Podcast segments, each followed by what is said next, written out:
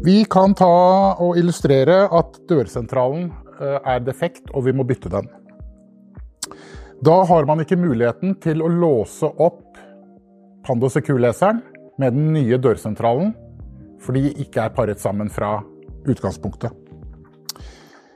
Vi setter da på driftsspenning på Pando Pandos EQ-leseren. Vi ser at den lyser rødt. Så tar vi dipp 3 og togler opp og ned med ca. et sekunds mellomrom.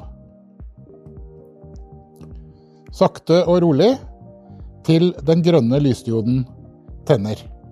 Og det har den gjort der. Nå er leseren eh, åpen og klar til å pares sammen med den nye dakken.